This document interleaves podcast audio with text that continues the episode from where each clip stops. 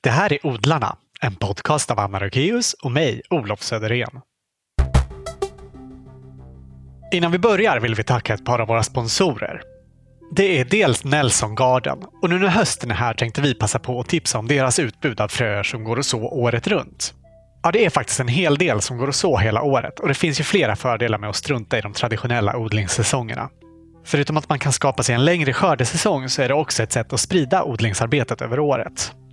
I Nelsons så året runt-sortiment finns ekologiska fröer till flera spännande sorter, bland annat vintersallad, tatsoi och en av mina personliga favoriter, den nästan löjligt lättodlade trädgårdsmollan.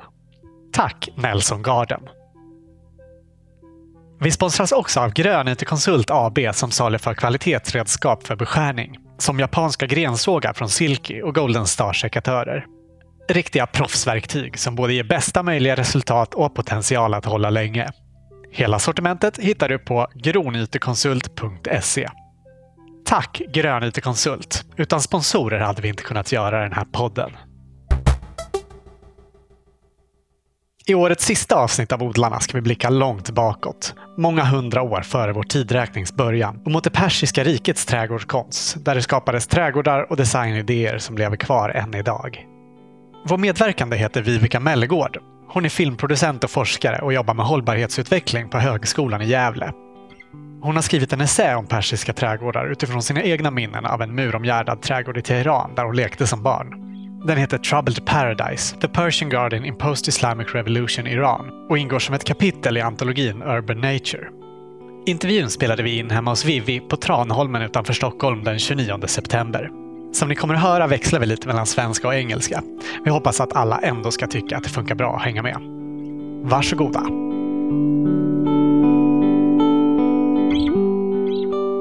Vill du börja med att berätta vad som är utmärkande för en persisk trädgård? Yeah. Uh, so the the main thing actually is that it's it's walled. A Persian garden very typically is a, is a walled garden. Den är muromgärdad. Yeah. Um, and then it's split into four. It's four sections. So in Farsi, it's called char baq. And so it has these this axis uh, it, down the center and then uh, a cross section. And often on on the axis, there's uh, some kind of canal with water um, or an avenue of trees. But you have these four quarters within Ah, ja, a så, wall. så indelningen av dem kan vara olika, att det är en gång eller att det är vatten eller, eller träd. yeah. Men det, det är alltid delat i fyra. Yeah, um, the more traditional kind of grand Persian gardens would have water. Just det, det som jag har sett då är det ofta en ganska smal ränna med vatten nästan. Just there, yeah, Längs med gångar i ett kors så. yeah, precis. And and then there is often a pool in the middle, and the kind of the combination of the water and the the the, the scents. So it's meant to be this kind of sensory experience. Um, när man är i ett, ett eh, persiskt trädgård. Att man upplever med alla sinnen. Ja, upplever man ehm, både eh, olika träd och uh, yeah, fruit trees and different plants and flowers. Um, so it and then all of that has an impact on on how you feel when you're in the garden. So everything is kind of constructed around this idea of being protected by the walls and then having this uh, division into four sections that then also um, it it conjures up um, the elements of water, fire, air, and earth. Ja, de här fyra delarna representerar liksom varsin, varsitt Ja. element. Ja, och um, årstiderna också. Uh, och sen, um, yeah, then there's this bit about the, you know, the ancient Zoroastrian religion also conceptualized the world or the universe as being divided in four. Zoroastrian religion, eller på svenska zoroastrism, det är alltså den religion som fanns innan, eh, innan islam kom till Iran. Ja, precis. Mm. Eh, och det här med att den alltid är muromgärdad, kan man säga att det har ett samband med att eh, klimatet i de här trakterna kan vara ganska tufft? Ja, för att um, det viktigaste är att persisk uh, eh, trädgård är um, ett, ett plats när man kan vila. Och uh, ut, utanför um, murarna fanns det en a very harsh climate. Um, not in all parts of, of Iran, but you know, in some of the areas of Iran, it's arid and there's this wind that blows through these very large landscapes. So when you're protected by these walls in the Persian garden, it's almost as though you can also relax because you're not bracing yourself against the wind and the heat and the harsh light. And it's det blir som en, en vila från det här tuffa tuffa klimatet. Ja. Mm. ja. Och det här att det oftast finns då de här kanalerna och eh, poolen i mitten, har det liksom också med att göra att, eh, att det gör någon sorts kontrast till det här torra, tuffa klimatet utanför? Ja, verkligen. Det, det är uh, mycket viktigt för att det, det fanns ett nätverk av granat So these qanats are basically sources of water that are deep underground. Just det, det är någon sorts underjordiskt kanalsystem. Yeah. Um, and so there was quite sophisticated engineering to bring this water and uh, basically transport it across these very large landscapes that were often dry without all of the water evaporating. And then they would come into these gardens and fill mm. the pools and, and the canals.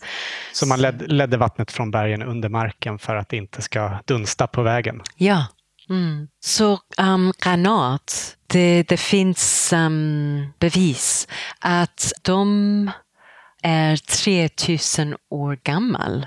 Ja, det är så gammalt. So, yeah. So it's, and you know, a lot of them are still in place and they function. Mm. Uh, with some maintenance, of course, but they're really solid. Det är otroligt. Mm. Du är ju själv delvis uppvuxen med en muromgärdad trädgård i Teheran. Vill du berätta om den? Ja, jag kan berätta lite om, om den. Um, så trädgården var lite mellan en, en svensk, ett svenskt trädgård och uh, ett persisk trädgård. Ah. So it was a walled garden, but the plants inside it were not all the ones that you might find in a very traditional Persian garden. Um, but yeah, I mean, it played a big role in in my early life because I just spent so much time there with the with the dogs. We had two dogs, and then there were these cats that would be on the walls, like looking into the garden, and you know there'd be these sort of staring matches between the cats and the dogs, um, but also uh, just you know all the things that you can explore as a child, going into the the flower beds and picking flowers, or um, you know sitting under trees and looking up through the leaves leaves at the sky. And so it was kind of like a, yeah, sort of a paradise mm. for, for me as a child. Din farmor och farfar var från Sverige, så det var därför det var lite svenska inslag i den här trädgården. Ja, så min farmor, hon var svensk. Så, och uh, hon gillade så mycket blommor som, som man, man uh, ses i, i, i en äng Can you say that? Is ja. that right? Ängsblommor. Hon, hon gillade ängsblommor. Och uh, så... Um, uh, yeah, so she kind of created this lovely little Swedish looking garden with all kinds of meadow flowers and long grass and a little bit of that kind of wild look that you get in many Swedish gardens. So that was a nice contrast. Mm. Mötet mellan det lite, lite vilda eh, och eh, den här, eh, vad ska man säga, lite mer strama persiska mm. trädgården. En liten parentes bara, hur kom det sig att din farmor och farfar bodde i Teheran? Ja, min, min farfar hade en bolag som hette uh, Centab. Och uh, han var um, ingenjör och jobbade i många, många år i Iran. Um, there was a group of actually Scandinavian engineers who created this company, and their timing was very lucky because at that particular moment, Iran was going through mass modernization, and they won a lot of contracts to build roads and bridges and hospitals and universities and all kinds of infrastructure, like important, really important buildings um, that remain to this day and are really well regarded. What's interesting about some of these buildings is that they actually carry so much history within them. So the airport that Farfar's company built, Mehrabad, was the airport where uh, the Shah of, of Iran left. Mm-hmm. He left from that airport, and Ayatollah Khomeini arrived at that airport. Okay. And you know those scenes that we see in archive footage of all those crowds coming to meet him off the airport. It's so weird to think, my goodness, that airport was built by a group of, of Scandinavian engineers och min farfar. Så ja, det är lite... Mm. Men så din eh, pappa, eh, pappas föräldrar var svenskar, men din mamma är från Iran? Ja, ja. Ja, precis. Eh, men tillbaka till trädgården. Hade den liksom den här fyr, klassiska fyrdelade strukturen? Nej, det, det var uh, lite annorlunda. Um, so I mean it was walled. But what happened inside it i mean i was very young at that stage so actually my my memories of it are a little bit more around playing in that garden and my ex, mina upplevelser i, i uh, trädgården. Men um, jag, ja, jag, jag kan inte påminna så, så mycket om um, struktur. Eller, ja. Hur gammal var du när ni flyttade från Teheran? Jag var fyra år gammal. Så, så det är liksom riktigt tidiga minnen de du haft ja.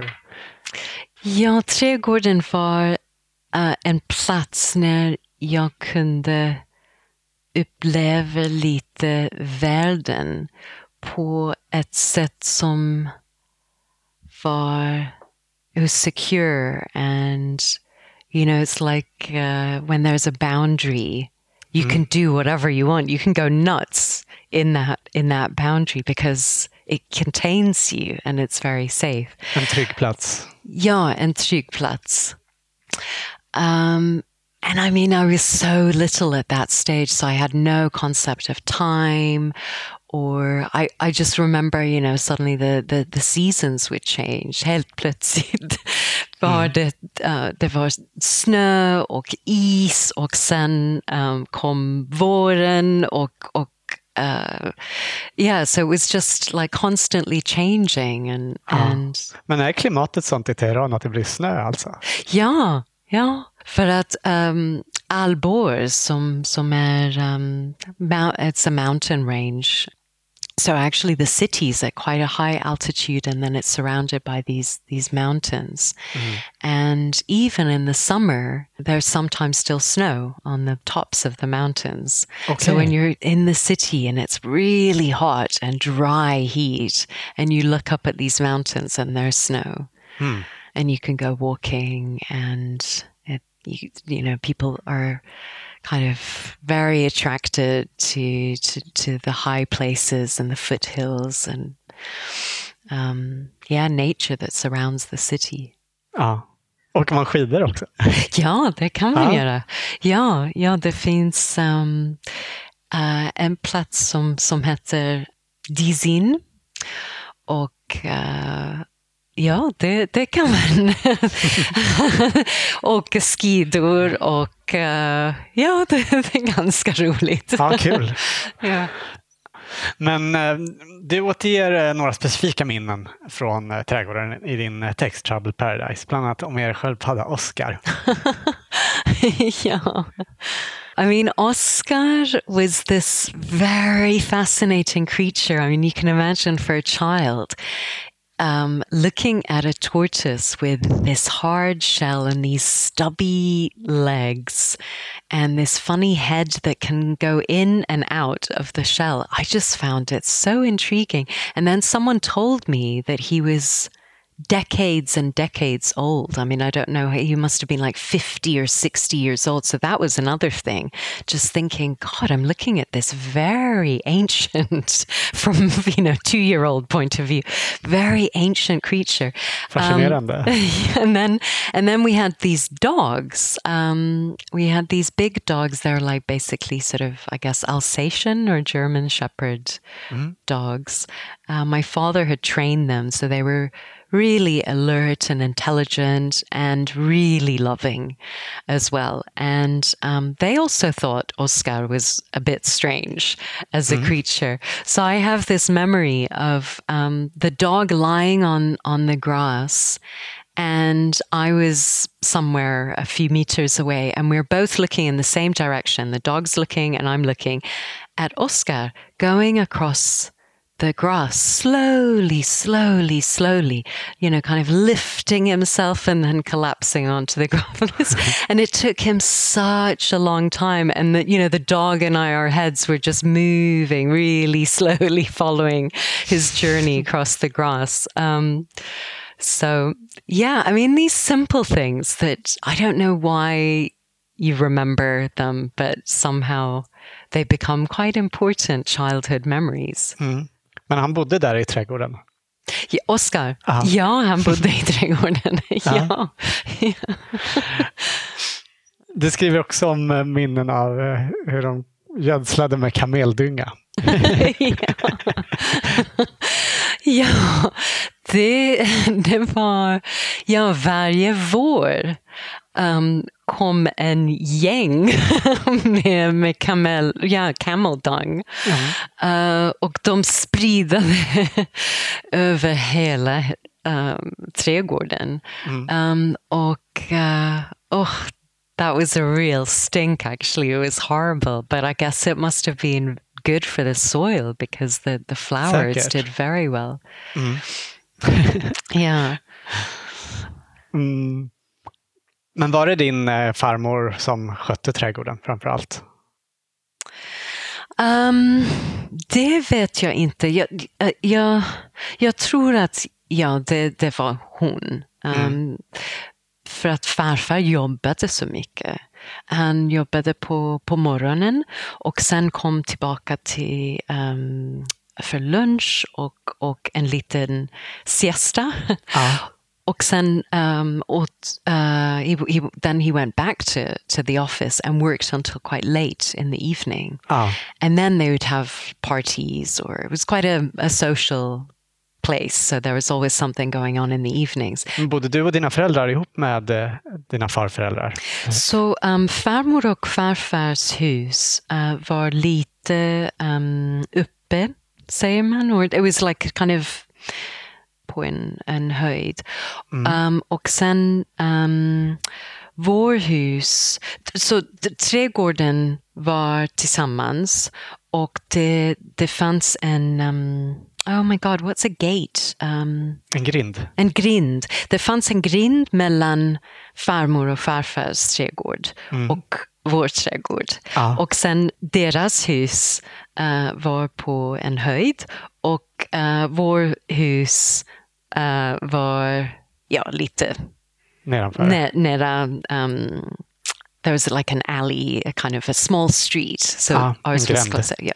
Ja. Men hade ni, liksom, hade ni en trädgård på er sida grinden också? Eller var det mm, framförallt ja. farmor och farfars trädgård? Nej, nej, deras trädgård. Um, so you had to go up these through the, the grind. you had to go through the gate and then up some steps. And then that was their garden. But then our garden was very, it was much bigger so um, so their their place was um, it was a slightly smaller property mm-hmm. and then uh, and then there was our our house and, and garden but there was really just this gate that separated so I mean they would come down or we would or I would go up uh, mm, with, sprang däremellan ja. Var trädgård också den här muromgärdade? Eller var det inom samma murar som farmor och farfars Ja, trädgård? Så man får en bild av det. Ja, det var um, well, just if if you imagine a big plot of land that that is walled, the whole thing is walled, and then inside you make a division. So that's where the gate was. But essentially, it wasn't. I mean, when I say gate, it was. Uh, it was quite well. I was tiny, so it was quite a tall gate from my point of view, uh, but it wasn't in any way kind of designed to keep them in their place and you know us. And it was it was just. I think mainly actually it might have been because there were steps going up, and for small children, going up those steps, there were stone steps. It might have been dangerous. So uh, perhaps they put the gate in. Actually, I hadn't thought of that, but may- maybe they put the gate in for that reason. För att du inte skulle ramla i trappan. Ja, precis. Hade dina föräldrar trädgårdsintresse också? Ja, min, min far speciellt. Ja, han, han älskade att vara i, i trädgården och um, ja, vattnade blommor och uh, ja, det var han som, som um, tog hand om, om trädgården. Ja. Men din pappa och farmor hade liksom lite olika delar då som de tog hand om? Ja, de hade lite olika delar. Ja. Minns du några specifika växter från trädgården? Ja, jag har, ehm, jag har ehm, från farmors trädgården. eh, jag menar att eh, hon hade daisies. Eh, Vad heter daisy? Tusenstjärnor. Ja, kanske det. Och cornflowers. Eh, det är eh, klint, va? Blåklint. Ja, okej. Um, och sen, and then there was a, a willow tree. Mm. A willow tree och um, massor blommor som ros och uh, kanske jasmin och ja, those strong scented flowers. And in that dry climate, you could really, in the evenings after the garden had been watered, that was the scent that filled the air. Mm. Det låter härligt. Eh, Men sen när du var fyra så flyttade ni till London. Mm. Hade ni trädgård där också? Nej, det hade vi inte. Um, vi bodde i en typ, en sorts uh, torg. Um, I mean, you know how in Stockholm there are these buildings that have like the inner courtyard. It Eh, wasn't like yeah, it was. It wasn't exactly like that because it, everything was external. But you know, in London they have these squares where um, it's. I mean, it's funny because it is a bit like a, a wall of of sorts, uh, but it's the defense and it. Mm, it wasn't really a, a street so much, but it was like there was traffic um, between the, the houses and then this inner section, which is a communal garden where um, a lot of the children from the neighborhood we could play in that. But you couldn't garden yourself. Nej, utan den sköttes av kommunen liksom, eller av bostadsområdet på något sätt. Yeah, just det. So that you had the buildings and then a, a- like a one-way street and then the garden in the middle. So Ah. actually as a child you had to cross this small Ah, ja. one track. Så det var liksom, eh, vad ska man säga, en, kring, en kringbyggd eh, gård men eh, det var öppet så man kunde komma in på den utifrån också. Ja, um, det, det var en, en privat område. Ja. Men eh, för de som, som bodde i torget, kan man Ja, säga. runt- runt den här ja, gården. Ja, um, de kunde eh, vara i, i trädgården. Ja. Bodde din farmor och farfar kvar i, vid den här trädgården i, i Teheran då? När ni flyttade till London? Nej, de, de flyttade tillbaka till Sverige. Så trädgård, deras trädgård och sen vår trädgård var tomta.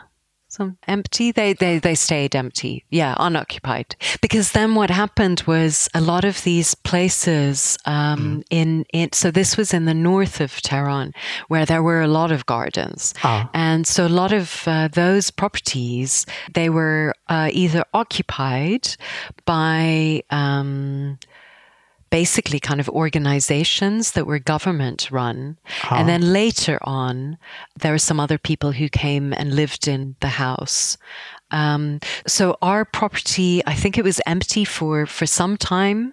And then, because I was so young, I don't really know the details of this, but, um, but as I understand it, um, the properties were both empty for some time and then, and then they were sold. So Mm. Det sold stod this- tomt tills, tills de såldes. Ja, ja, just det. Och sen bodde där en, en, en annan, annan familj. Ah.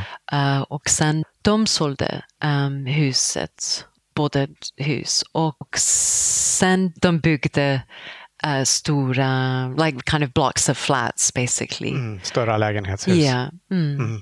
Men det måste varit eh, sent 70-tal någon gång då som ni Mm. flyttade därifrån. Mhm. Eh, var, hade det liksom med revolutionen att göra att, att ni lämnade Teheran? Yeah, I mean, I think it was partly to to do with uh, just the sense of danger and unpredictability. Ja. Um, there were a lot of, uh, speciellt min far hörde så många ljud um, som like rockets and well there were you know there there were some protests there were uh, apparently shells being thrown over walls into people's gardens and a sense that ooh at any time things could become violent ja, det var um, oroligt innan, innan mm. revolutionen. Liksom. Yeah, but I think what many people have said since then is that they, they didn't think, oh, the whole world is changing. You know, and I, I think a lot of people felt like this could be uh, a period of unrest and then it will probably settle down and people can come back. But of course, that did not happen. The world did change. so, Ja. yeah, yeah.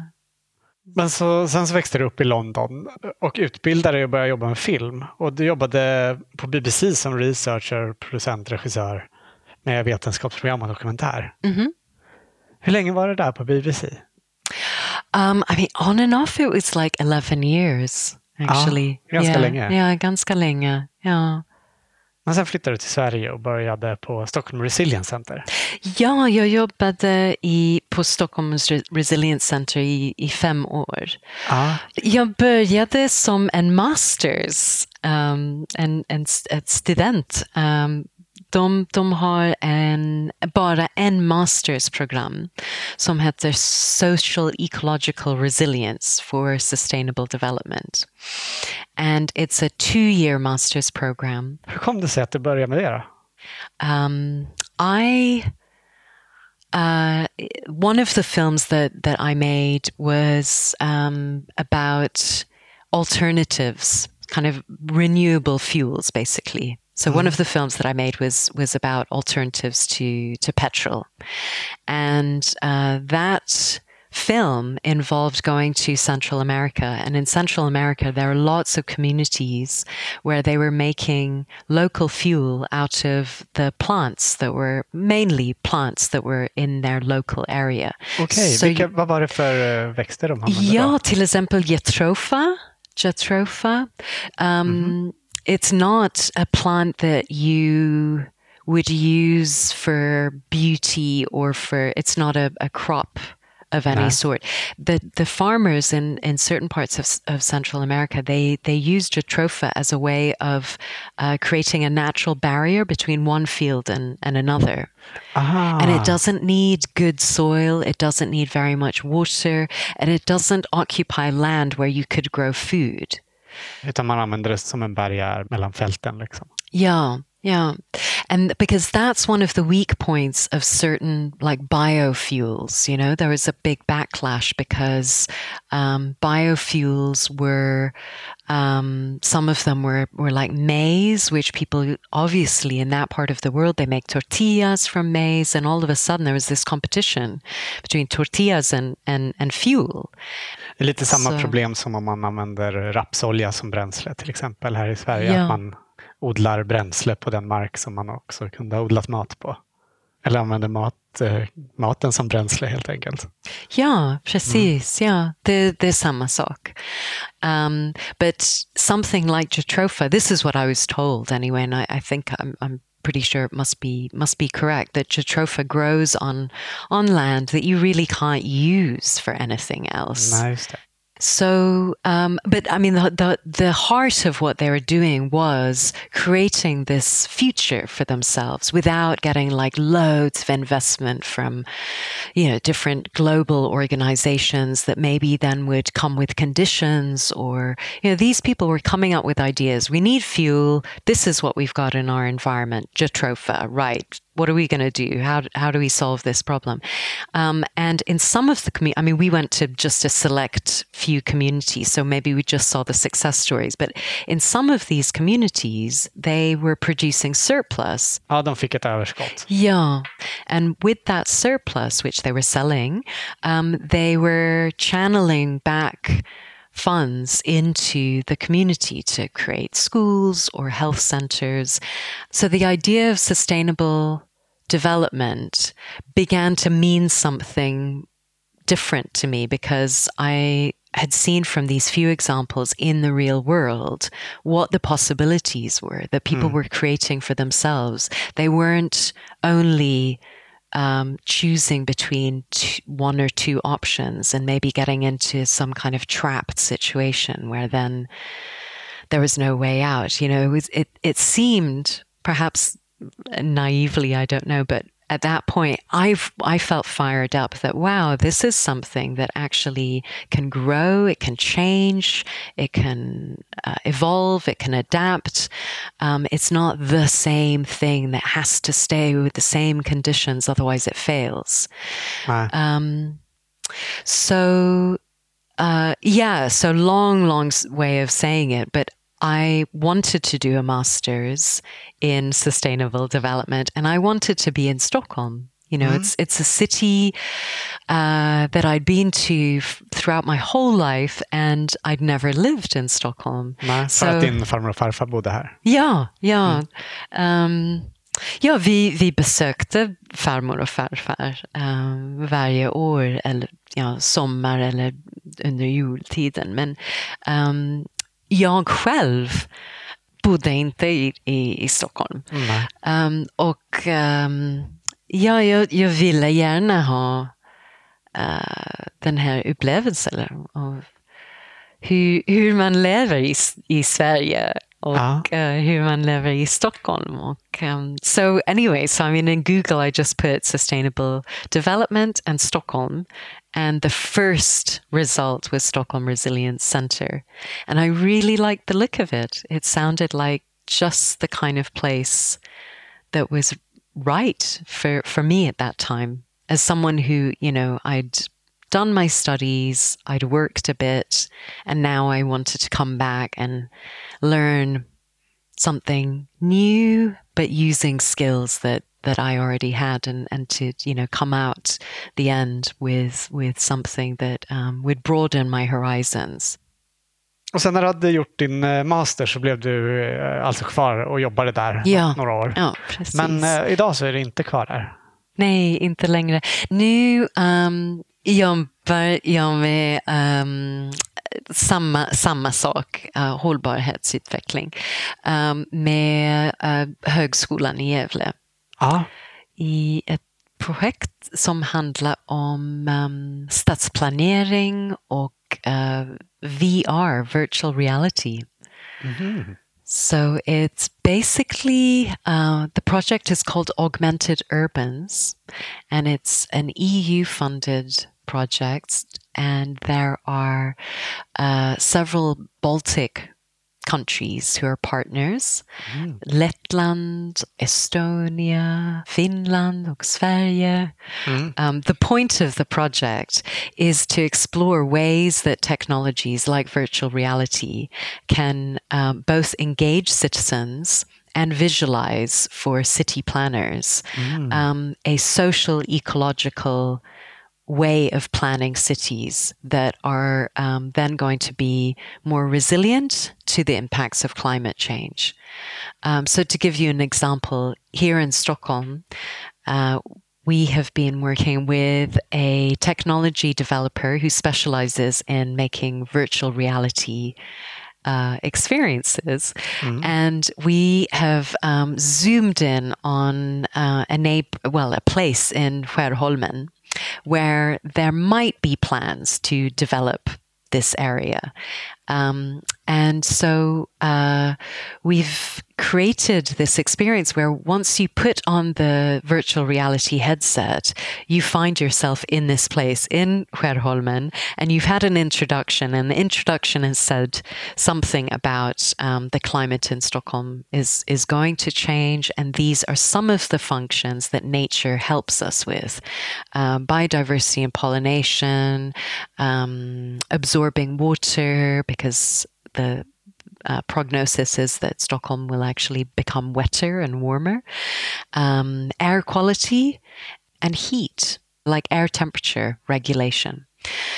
So, so that's that's the the frame. So the person's got the headset. They're in Skärholmen, and they can choose these different locations, and they teleport from one location to the next, and they can choose. Okay, I would put asphalt here, or I would put grass here, or I would put trees here, I would put meadow here, and um, and then at the the end, they get a sense of what the combination of their choices would actually produce. You know, would it support support pollination? Would there be flooding, or or you know would would the ground be able to absorb the excess water? What would the air quality be like? Would it be very hot and sticky, or would it be nice and cool with clean air? So it's it's designed to be a little bit fun and and get people to just try it out and you know play around a little bit and maybe by playing and trying out they absorb a little bit more information about ways that nature helps us. Mm. Man får en känsla av hur, hur olika val kan påverka miljön i den ena eller andra riktningen. Ja, att, att kunna um, lära sig lite om stadsplanering från en, ett annat perspektiv mm. um, som har lite mer um, med natur att, att göra och inte bara med byggnaden eller bilar och trafik och Men the, the, the kind of invisible help that we get from nature that's all around us to mm. visualize that, that help that we get from nature. Det låter jättespännande. Ja. Ursäkta avbrottet, men odlarna har ytterligare ett par sponsorer som jag vill tacka. Det är dels Fristads folkhögskola i Västra Götaland, där de har en grundläggande trädgårdsutbildning med inriktning mot ekologisk odling och skötsel av utemiljöer. Skolans parkområde och köksträdgård är klassrum för utbildningen och kursplanen innehåller förutom grundkunskap i odling bland annat också växtkunskap, grönyteskötsel och trädgårdsanläggning. Utbildningen är kostnadsfri och berättigar till studiemedel från CSN och ansökningstiden för 2021 är öppen fram till och med den 25 oktober. All info du behöver om utbildningen och hur du ansöker finns på fristads.fhsk.se. Tack Fristads folkhögskola! Vi sponsras också av Sproutly. Under vinterhalvåret brukar vi odla en massa groddar och mikrogrönt. På så sätt har vi färska grönsaker även då odlingsbäddarna är täckta av snö. Och ett riktigt stort sortiment av ekologiska fröer för grodd och skottodling hittar man hos just Sproutly. De har också satt ihop olika startpaket som innehåller fröer, groddningsburkar och boken Groddar och skott, framtidens mat. Perfekt som present till sig själv eller någon annan som vill komma igång med sitt groddande. Ja, det är ju till exempel inte jättelångt kvar till jul. De här startkitten och alla andra produkter i Sproutlys sortiment kan du beställa från sproutly.se.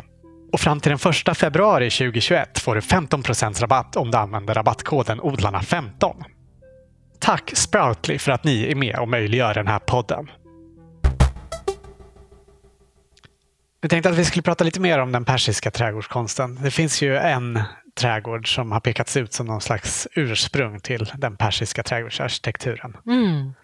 So yeah, in the archaeological records uh, there is um, evidence that the emperor uh, Cyrus or Cyrus, who lived between 500 um, yeah, more or less sort of 500 BC. Mm. Så 2500 år sedan ungefär. Mm, yeah.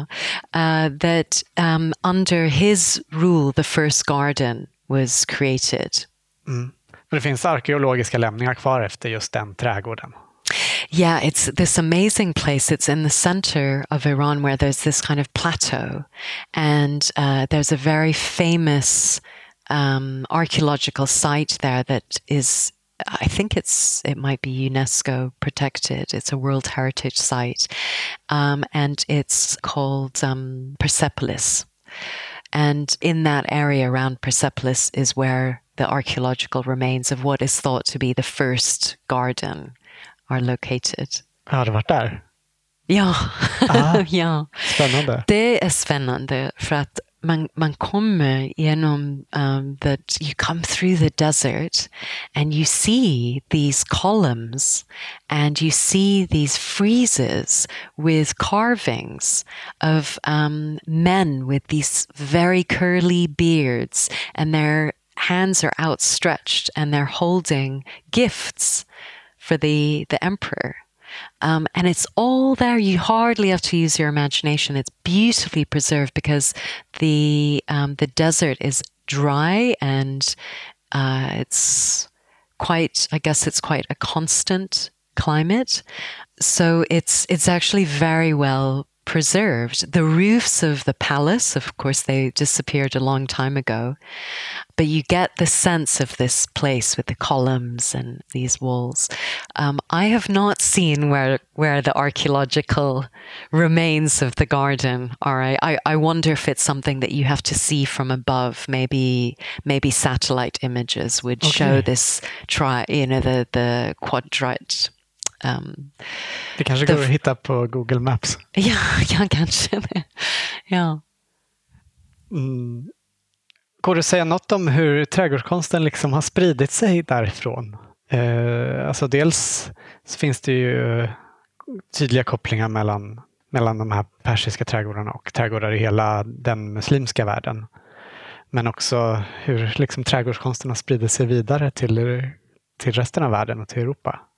Yeah, so I mean, it's interesting because I think that part of the world um, had so many influences from, you know, there was uh, um, the Zoroastrian uh, religion, which had all of these symbols that were incorporated into the the Persian garden design, and then there was the um, Arab invasion, and um, uh, the Arabs brought with them um, the the religion of Islam, which also then had an influence within the Persian garden. Um, När var den eh, arabiska invasionen? so it was round about the sources seem to to indicate that it was around about 600 AD that um, the Arabs invaded and and conquered what was the Persian Empire. Och det var då som islam kom till Iran också, Mm, till Ja, nuvarande Iran. precis. Mhm. Vilka, vilka liksom, referenser från islam ser man i den persiska trädgården efter det? So there, there are things that, for example, um, the water, the presence of water in, in the Persian garden was interpreted by Islamic designers um, and, and architects in, in various ways. So apparently, um, there are these kind of curved features that were introduced, so the water would then run over these curved features and flow in a particular way. So it, the sound would be different. So instead of having, say, a fountain where you have these kind of drip, drip, or sort of a different sound of the flow of water, there would be this more kind of uh, smooth, mellifluous sound of water, just not cascading necessarily, but just kind of running over this curved en porlande. surface. Mm. So things like that. And then also um, the idea of uh, having a very still pool of water that would reflect a, a building, a mosque, for example. And of course, then it's, it's doubled. There's the real mosque and the reflection of the Yes, yeah. mosque. And this also then maybe settles into the mind um, a feeling of you know the the greatness of of this religion and um, um, yeah, it doubles it basically. Ja, man använder vattenspegeln till att liksom, eh, göra moskén ännu pampigare för att liksom, eh, vad ska man säga, förstärka storheten i, i moskén eller religionen. ja, kanske det. Ja. Ehm, Du var ju inne på det tidigare att det finns mycket symbolik kopplad till den här klassiska persiska trädgården. eh, det finns ju också nära kopplingar till bilden av paradiset. Yes, uh, this is this is the information that, that is often recorded. Um, that in the old Iranian language of Avestan, the word paridaisa um, actually meant walled, so uh, walled around. Um, in other words, a walled garden. Så ursprunget till ordet paradis är just att det är muromgärdat. Yeah. Och sen, and then it was transliterated into the Greek, paradesoi, which then in the Latin became paradisus. And then it entered the European languages, um, French, for example, paradis, and then English paradise. So it went through literally geographically, it kind of made a few hops. Ja, det finns språkligt många steg från, från ursprunget fram till att vi kallar det paradis. Mm. Yeah. Men den ursprungliga bilden av paradiset är liksom den här eh, persiska trädgården. Yeah, that's that's what it seems to be. Yeah. Mm. Yeah. Du som då har bott i mycket England och delvis gör det fortfarande, ser du mycket liksom, eh, referenser i engelska trädgårdar som du kan härleda till, till persiska trädgårdar? Mm. Yeah, I mean, I think it's probably my personal perspective, um, but from the research that that I've done, certainly the idea of the enclosed garden, the walled garden, is maybe the most obvious link. Um, there are many walled gardens that are part of palaces, for example, that you can visit uh, in England and various parts of Britain Ja. um, that have this sort of structure. They're they're very um, self-consciously creating a space where you then have rose bushes that you sit next to, and you know you, the scent of them creates this sort of feeling of uh, relaxation, which again is another link to the Persian garden. And the other thing I came across in, in the research that I was doing, which I could relate to myself from personal experience of visiting Persian gardens, is that you don't go for like a big walk in a Persian garden. It's a place to sit and contemplate and to look at the flowers and to, you know, have that feeling of uh, just letting go and enjoying the peace and the tranquility. Um, and in these walled gardens that um, I'm talking about in in Britain, uh, where where they've created this kind of sanctuary. That's the feeling that there is there as well. It's uh, the gardens are set up as as places where you can come in and be still and um, yeah, and just take take a few moments out of normal normal life. Mm. They're secluded in in that way. Mm. And I think that that must be whether it's it's a direct influence or something that sort of has crept through the ages, but definitely that's for me it's it I make that connection between the Persian garden and the English garden. Mm. Yeah. Här i Sverige då, kan du se några element i, i trädgårdar här som har sitt ursprung i den, i den eh, persiska traditionen? Wow, that's an interesting question. Um, I guess the the short the short answer is that I think that the the the climate and the vegetation and the the species that that we have well certainly in this part of, of Sweden are maybe quite different to to to the ones that um, Mm. you would find in in Tehran. Det är väldigt eh, olika förutsättningar när det gäller klimat och vilka växter vi kan odla. Yeah, that's my inkling. Um, I I don't think I have enough knowledge really about it, but in terms of uh, yeah, they're quite different, aren't they? Because I associate that the kind of the the Swedish garden with actually not being so much of a garden. It's more like the land and you know what what nature there is in it, and maybe you carve out a small amount of lawn or something. But otherwise, definitely in this this part of of the the country, um, yeah, there is that that kind of that semi wildness.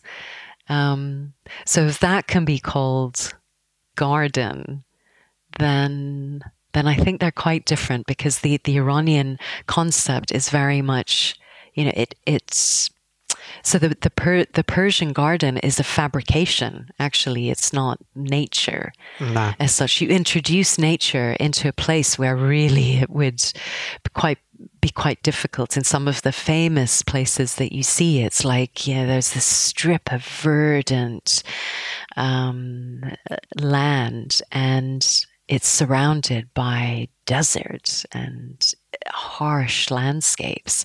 So it is that idea of like a paradise in a place where it's actually rather hellish, maybe. Hur har, hur har liksom, eh, trädgårdskonsten i Iran utvecklats sen de här persiska? Yeah, that's an interesting one actually, because um, so many of the historic gardens um, they've been really well maintained. Mm. and there are several of them that are you know they're unesco sites and um, they're in various i mean actually in every part of, of iran there are these gardens. This, the, the really sort of very traditional persian gardens i can name a couple of them. There's um, eram which is uh, in, in shiraz the city of shiraz which if you see pictures of it it definitely has you know the, the central avenue with fountains and, and pools. Um, it's quadripartite. It's you know divided into these four sections. Um, and then there's another one which is in the south of Iran near a place called Kashan, which is Bagh-e-Fin. And that also has the same sort of, it's a walled garden, but it's, it's really quite special because it's much drier in that part of the country. So you Okay. really get this strong feeling of coming out of the heat and the, the dust and you come into this this tranquil place where you can sit and just take a deep breath in and exhale and and just feel like you're taking a moment for yourself to relax and enjoy and put the world behind you Mm. it's such an extraordinary contrast between the dryness and the lushness of the garden. Det är en stor kontrast mellan landskapet runt om och det som finns inom murarna. Ja, ja, verkligen, ja. Är det vanligt att man eh, inspireras av den här persiska designen när man gör nya trädgårdar i Iran idag? In various ways, because there's there's a lot of appreciation of Persian culture. Um, it's a very ancient culture, and I, I think many people possibly find it difficult to separate themselves from culture you know that it, it's one and the same. You you become so it's second nature. Um, so i think the idea of um, uh, the persian garden um, having roses uh, some sound of water um, fruit trees potentially herbs this is something that that is quite common. Um, I'd say that that very kind of the the structure, the formal structure, the division in four is something that, well, maybe because of space, is more difficult to to to keep or to bring into an ordinary garden. Har många nya trädgårdar är för små för att kunna göra den här fyrindelningen. Precis.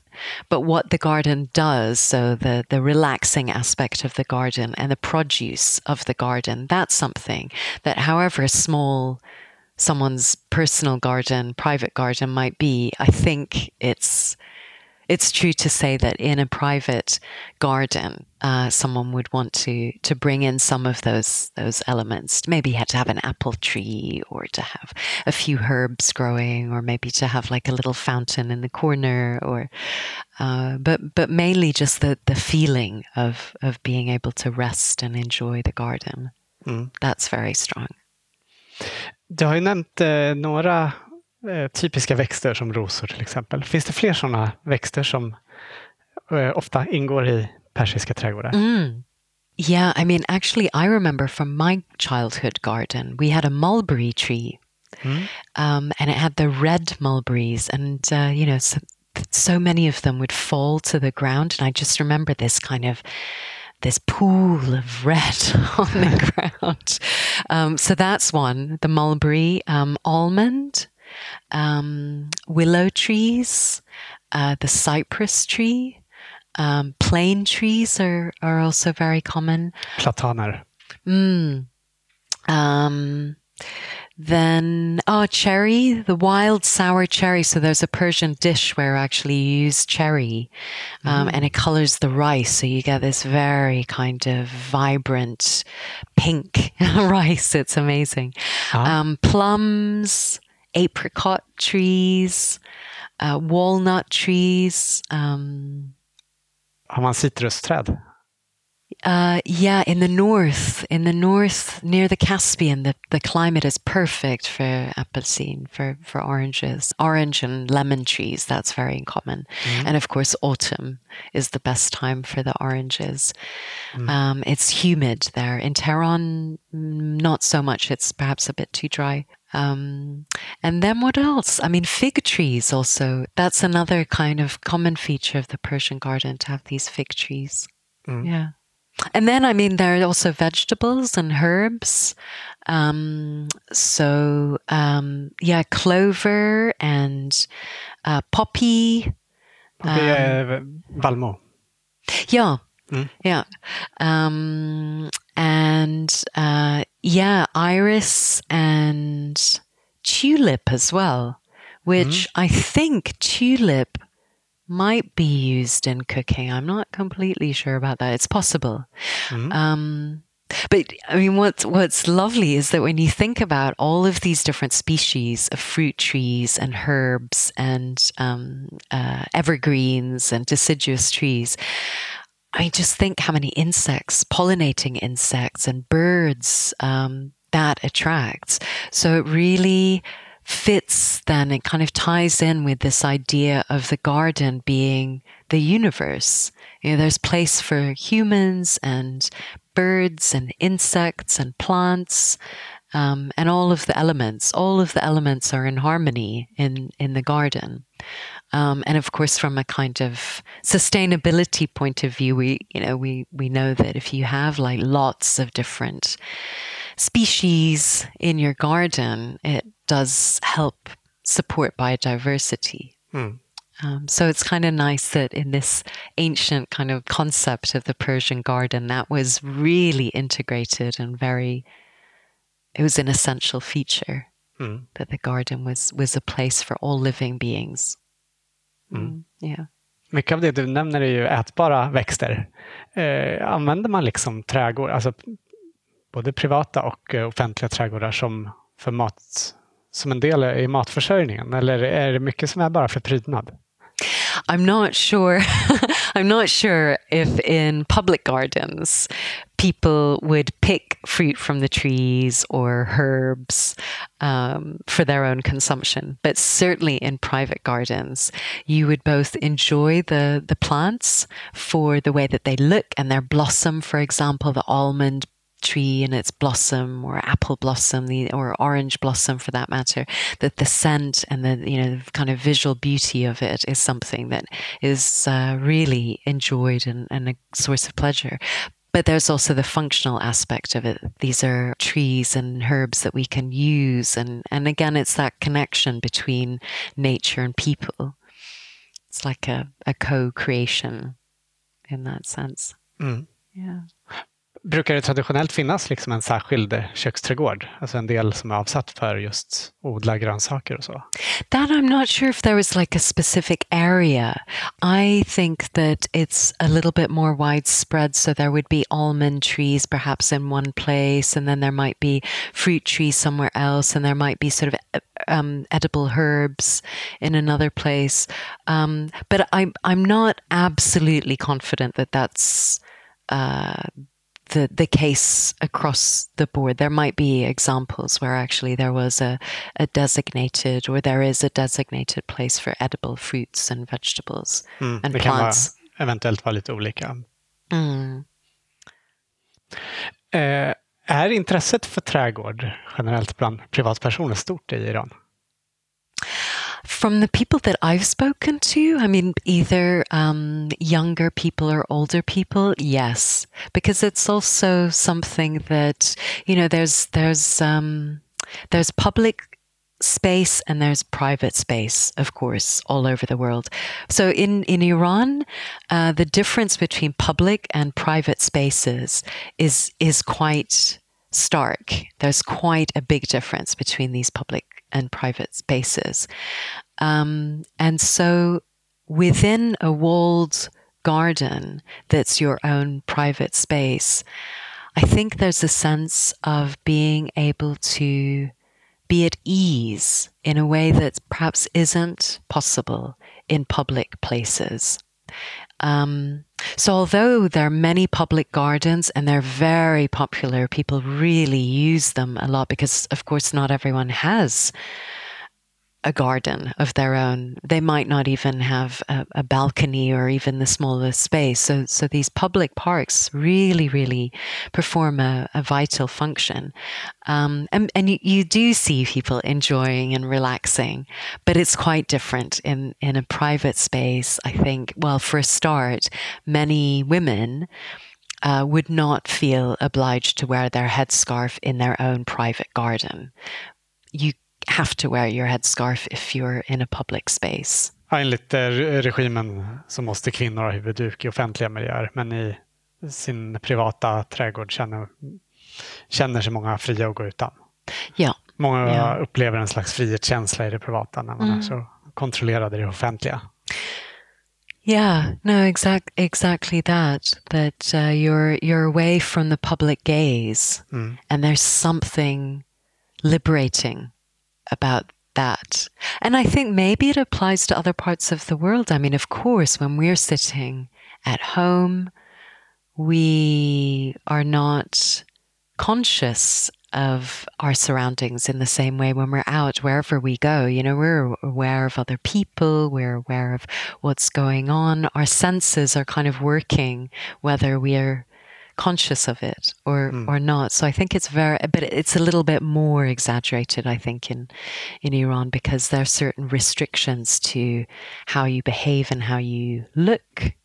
Um, particularly for well for men there are rules also i mean you can't walk around in like a you know tank top uh, kind of a vest your your arms must be must be covered um, and for women definitely you have the the headscarf and um, and a jacket that comes to sort of mid at least mid thigh mm. um, so yeah so i think there's that kind of freedom of movement as well what you wear and how you move and Ja, såklart. This, yeah.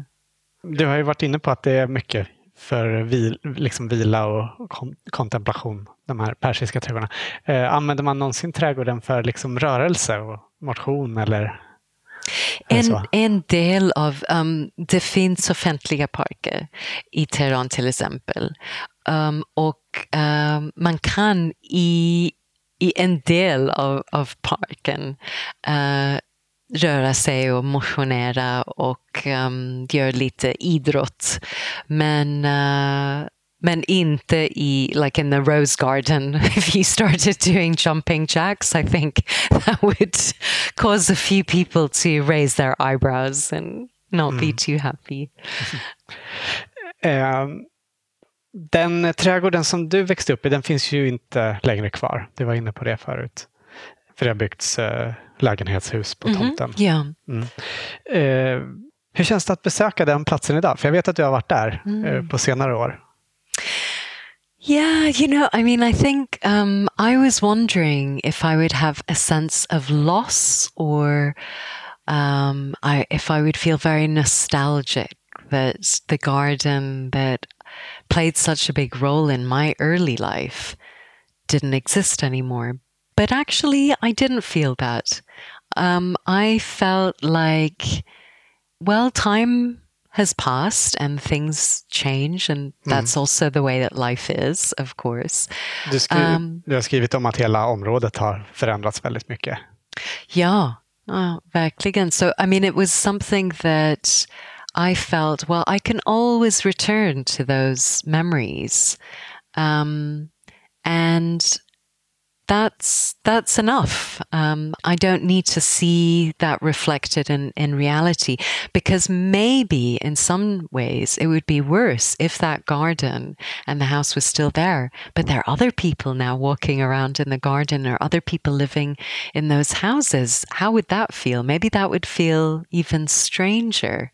Hmm. So the fact that it's completely different now means that my memories are very intact and they still hold all of the the meaning and the the enjoyment for me. Um, mm. And you know, and I'm really glad that that I've been able to write something about this garden and and broaden the influence of my um, experience and and connection to a place into something that actually is a little bit more um, widespread. And what I mean by that is that yeah, that part of Tehran really has changed a lot. There used to be many, many gardens in that part of the city, and now um, they've been replaced by skyscrapers and apartment blocks and roads and so so in a sense my very small individual's experience seems to enable me to understand something a little bit bigger Mm. You know, there, there, there's sort of many questions that sprang out of this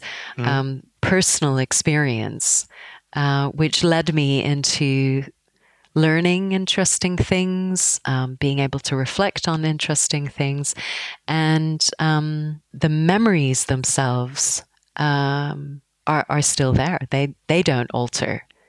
Um, so so that was a good thing to realize. It was uh a good thing to realize that you can a person can accept that a lot of change occurs in a, a, period of time or you know in in one's own lifetime.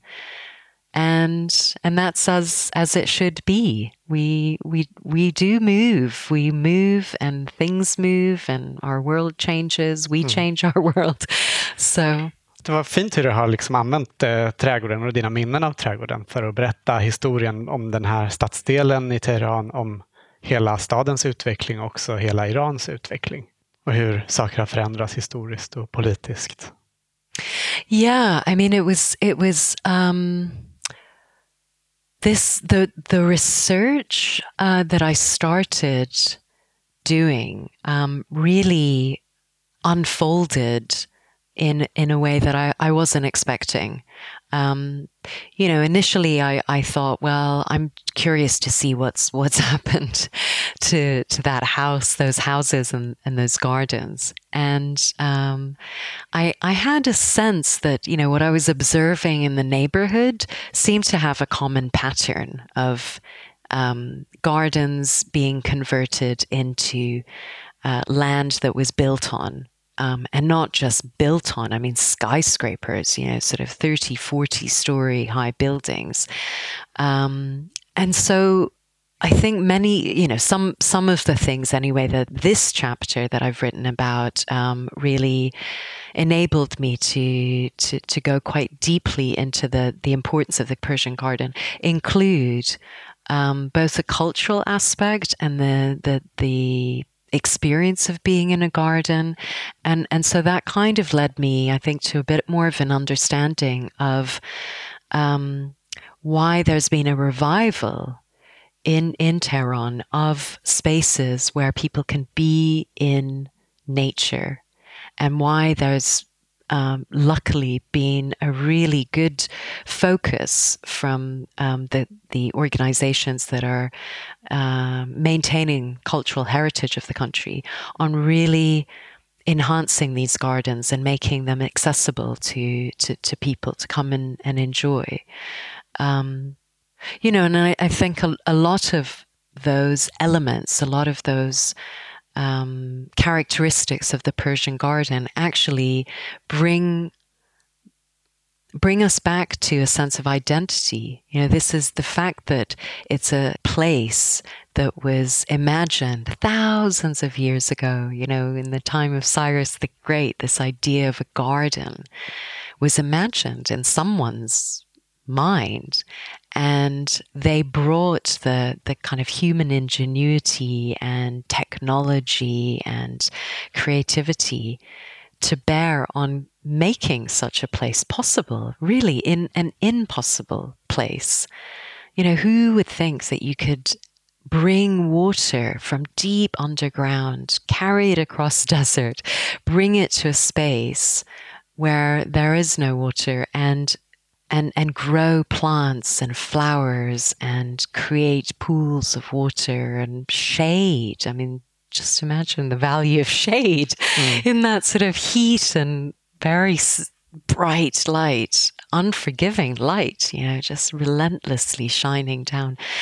Um, so and then to carry that forwards through time and for this influence to, to spread with people uh, visitors who, who, who came you know there are lots of british travelers who uh, at some point journeyed through through Iran and they write about the landscape and the, the garden and this contrast and the relief that they got sitting in in a garden and able to just rest for, for a short while. Um, and and so their their words and their accounts um, are are in these documents and, and, and in the records that we can then read. So so in a in a sense, I'm happy uh, that sometimes I guess when when you um, follow a little hint of curiosity that's very personal to you, it can take you in on on all of these kind of circuitous journeys, and uh, you learn a whole bunch of things that you weren't expecting to learn, and then you can begin to see maybe some connections, um, and and piece things together in a way that seems to make sense and maybe explains some things or answers some of those questions. Um, so yeah, I can't remember what you asked me now. I just whoosh went off, went off on one. Sorry. Det låter som att det varit en spännande resa för dig att skriva den här texten. När var det förresten, alltså under vilken tidsperiod var det som, som de här trädgårdarna byggdes bort? Ja, det, det var um, ganska snart efter revolutionen. Ja. Ja, för att uh, det började kriget mellan Iran och Irak då. Och flyttade så många människor från um, gränsen mm. i Iran mm. till uh, Teheran och sen um, Men... the population mushroomed dramatically after the revolution. Ja, så det var så många som flytt, flyttade från gränsen där kriget pågick till, till eh, Teheran så att det blev ett eh, enormt behov av nya bostäder.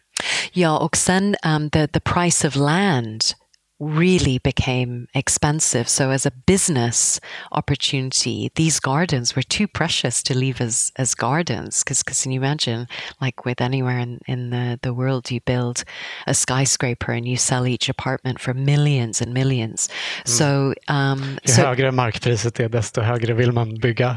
Yeah, yeah, yeah. So they didn't have much of a chance, really. Ja. Det liknar egentligen hur det har varit på väldigt många i många städer runt om i världen, yeah. storstäder. Yeah, yeah, yeah. Unfortunately, because of course there's always a, a cost and a price to, to pay. The more we we change land from uh, natural space to built environments, we lose all of those things that are invisible. Um, the clean air that that uh, you know, we get from trees filtering and uh, absorbing carbon dioxide and storing carbon dioxide and you know filtering out dust and absorbing excess water and uh, you know all of the other things let alone um, the uh, reducing stress. I mean there's so much research that that shows that actually being in nature reduces levels of stress Hmm.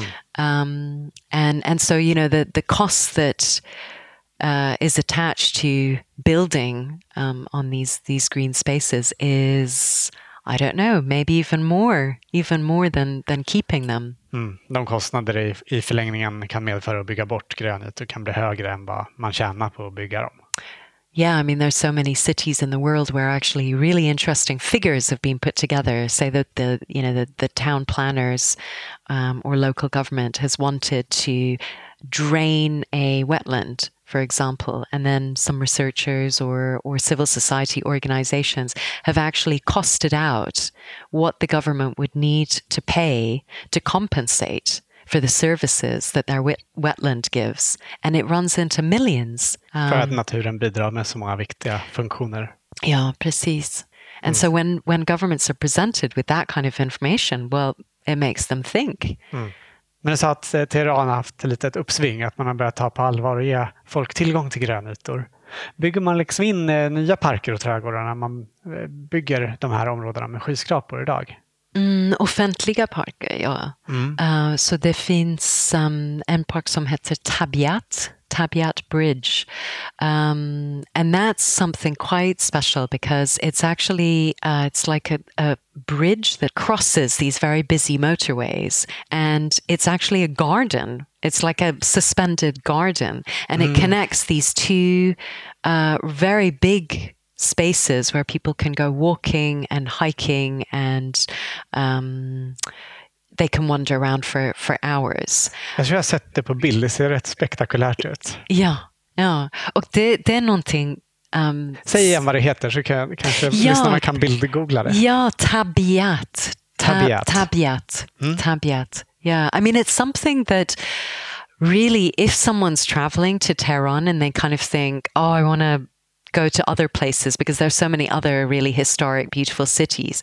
But actually, now Tehran has a few of these places that are really must see places. And I would say that one of them is this Tabiat bridge um, because it's it's just so novel and it's uh, you know it's like um, a garden in a very urban setting like the most urban setting you can imagine and there you've got um, a swathe of nature that just cuts across the highway so there are places like that, and then there's um, there are several parks like in the in the cities.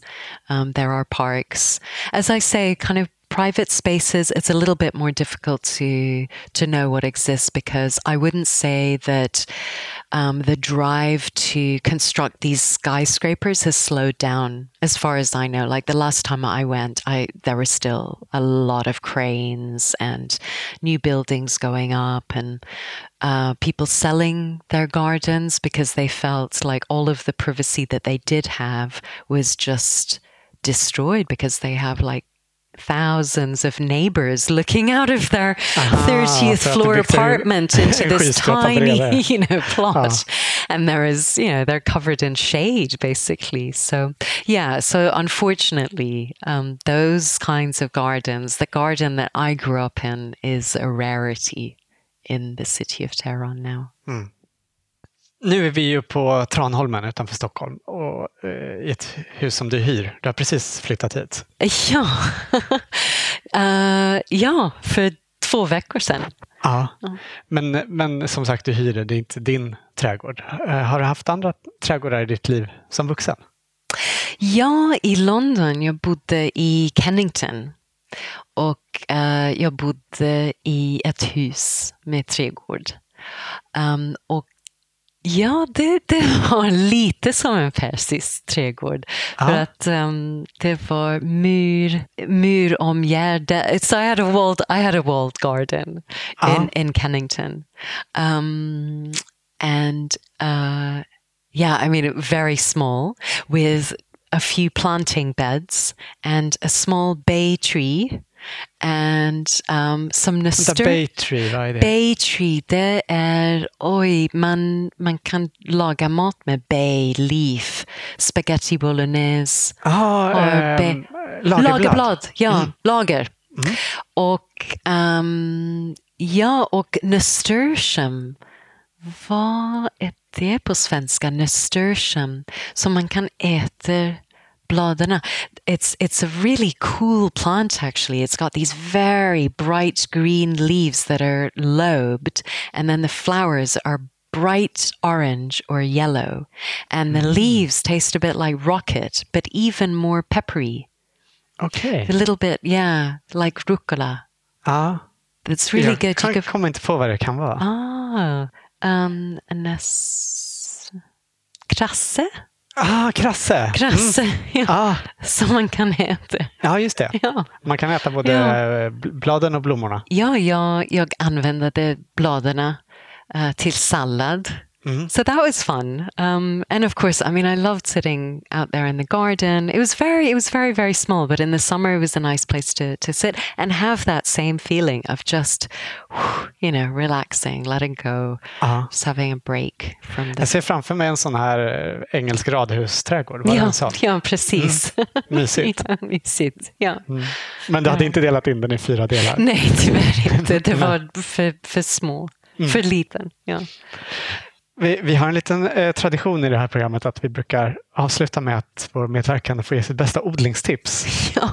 Har du något sånt? Um, I wrote a little something actually because it's so funny. I don't think I'm much of a gardener. I mean, I'm really a beginner. Um, but I think there's a lot of inspiration that we can draw from the, the Persian garden. So I guess my tips are to think about your senses. So um, if you're planning a garden, have something that's very fragrant, maybe some roses or or some kind of fragrant flower or or tree or or herbs. Något som doftar starkt. Mm.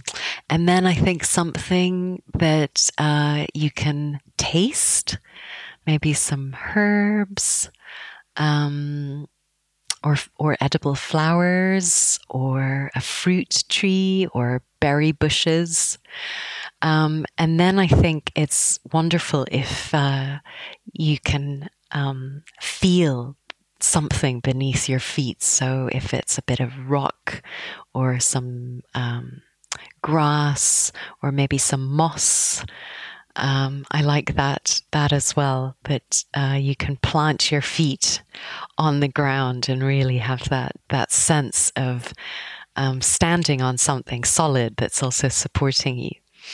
Um, and I love uh, the the idea of in a garden there being the sound of the breeze uh, through like birch branches here in Sweden or in other parts of the world, maybe bamboo. There's this very soothing sound, um, and then of course visually, what delights you visually. Um, so that that's an idea that I think I would try to think about if I were planning my garden. Det är ett jättebra tips att ge, ge någonting till alla sinnen. Och det var alltså något som var väldigt viktigt i de persiska trädgårdarna. Yeah, absolutely. That um, that there's there's this balance between all of the the senses being soothed, which collectively gives you a feeling of being relaxed and also um, from a spiritual point of view open to new ideas and um, a feeling of being connected to the rest of the world around you. So the senses give us that ability to um, connect in a tangible way with our surroundings. They're like these these corridors in a sense or conduits. Um, Så närvaron i, i trädgården och i sinnena får en att liksom känna sig kopplad till omvärlden. yeah yeah yeah Du, tack så jättemycket för att vi fick komma hit, för att du tog dig tid för oss. tack